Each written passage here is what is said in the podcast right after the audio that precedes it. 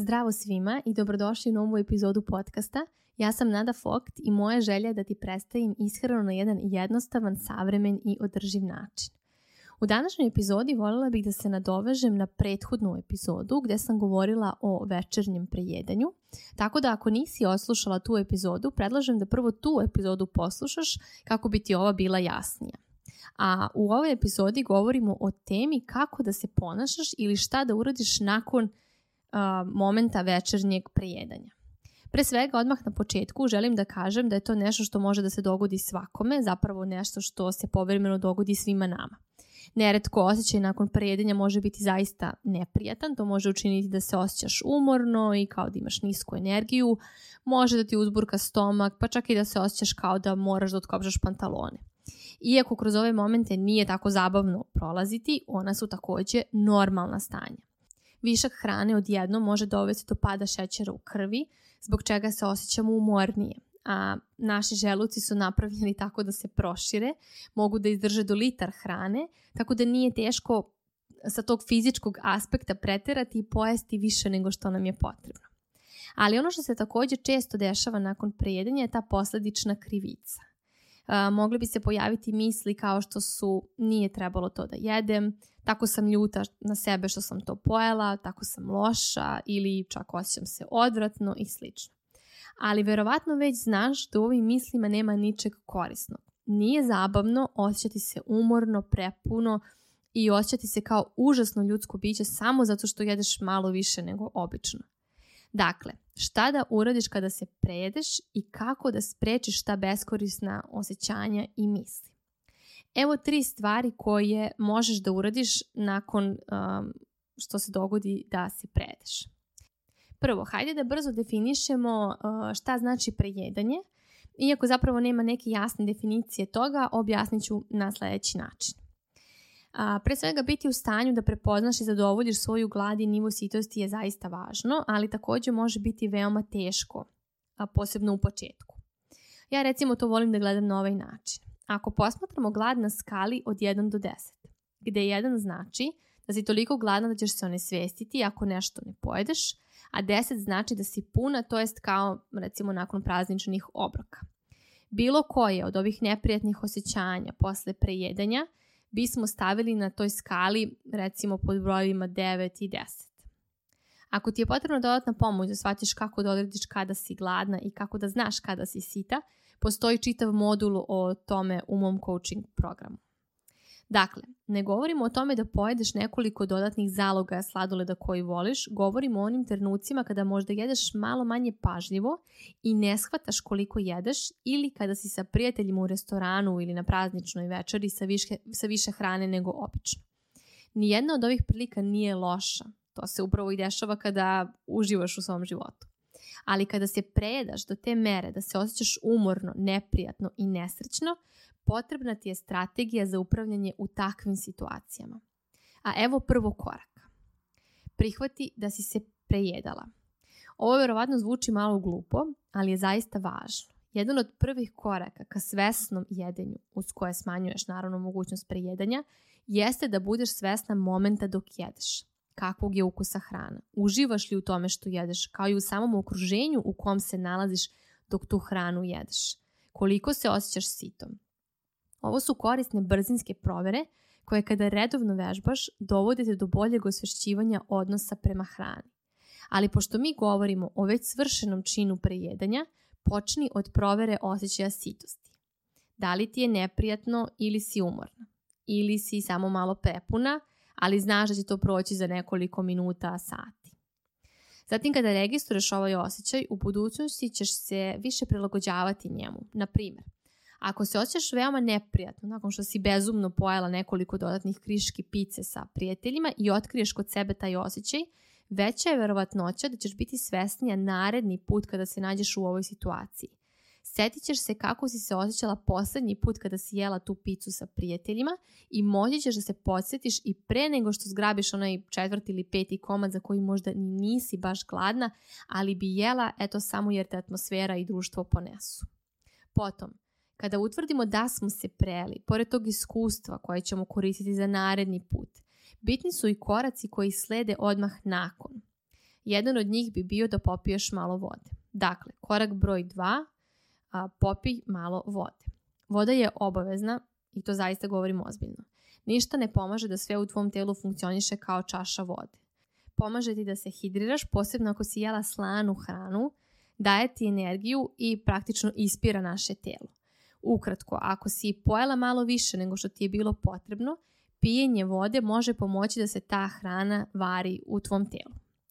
Svakako, nemoj ovo uzimati u krajnost i sada piti galone vode, ne govorimo da voda poništava prejedanje, već samo da kada se to dogodi, obrati pažnju da unosiš dovoljno vode kako bi potpomogla proces varenja i obrade te hrane.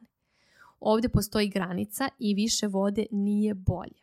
Popij čašu do dve i prosto primeti kako se osjećaš. I važna stvar jeste da nikako ne pokušavaš da sebe sankcionišeš i kazniš uskraćivanjem narednog obroka jer si se prethodnim prela. U zavisnosti od samog obima prejedanja, signal gladi za narednim obrokom može biti kasniji ili možeš imati potrebu da pojedeš nešto laganije, to jest manjeg obima. Bitno je da u bilo kom trenutku nakon prejedanja kada ti se ponovo javi signal gladi, da isti ne pokušavaš da potisneš, već da jedeš. Ali i ovdje bih napomenula čestu situaciju koja dolazi iz uh, dijeta mindseta, to jest sve ili ništa, gdje verujete da ste jednim prejedanjem nešto upropastili i da sada treba ostatak dana ili večeri da nastavite sa haotičnim jedenjem i da idete u tu drugu krajnost. Jedno prejedanje ne treba da bude okidač za ponašanje u ostatku dana, nedelje ili slično. To je kao recimo da zamislite um, prosuli ste malo uh, vina po, po stolnjaku.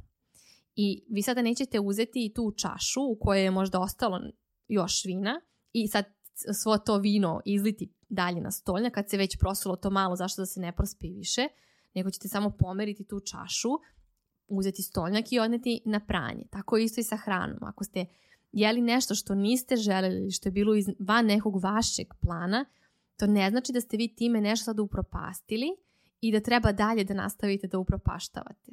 Jednostavno samo nastavite dalje. Evo recimo ovako.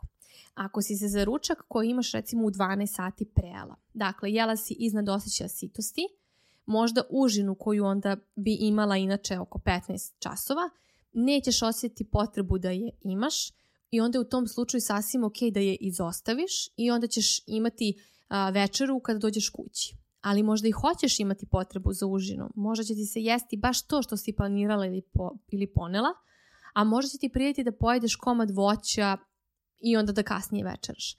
Dakle, ovdje nema pogrešnog ili ispravnog postupka dokle god slušaš svoje telo i u skladu sa signalima svog tela i reaguješ. Poenta je da je važno da nastaviš da jedeš kada se naredni signal gladi javi, kako bi tvoj metabolizam održavao nivo energije tokom dana na visokom nivou. Gladovanje nakon prejedanja i u cilju kontrole kalorija nije dobra opcija, a to verujem da znaš i sama.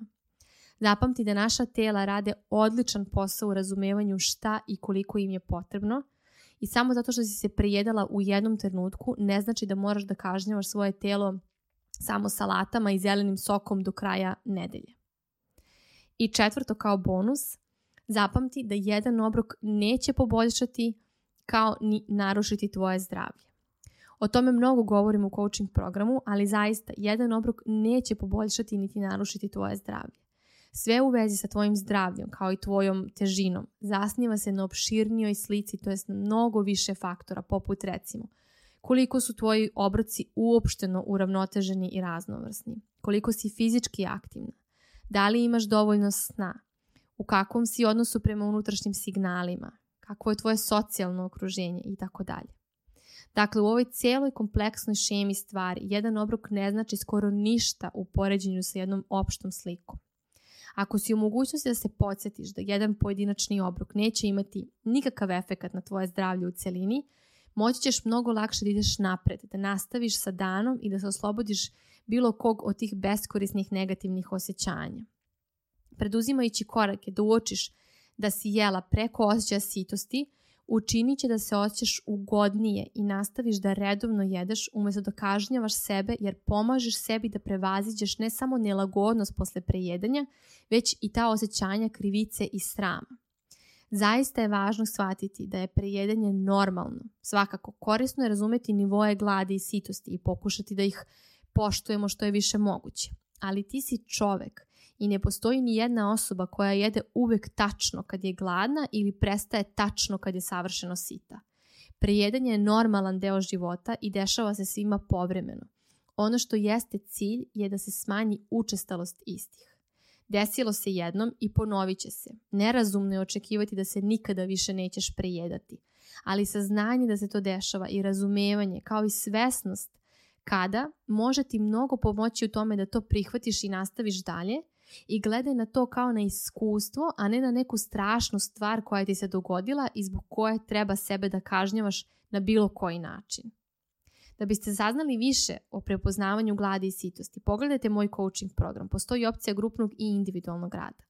Nova grupa uh, grupnog coachinga kreće u martu ove godine i ako ste voljni da radite na svom odnosu prema hrani, možete se prijaviti na linku u opisu ove epizode. Isto tako, ukoliko još uvek niste spremni za coaching, možete nastaviti da redovno slušate ovaj podcast, kao i da pratite sadržaj na drugim mrežama, a onda kada osjetite da ste spremni i više nego ste dobrodošli u program. Hvala vam na slušanju i čujemo se uskoro.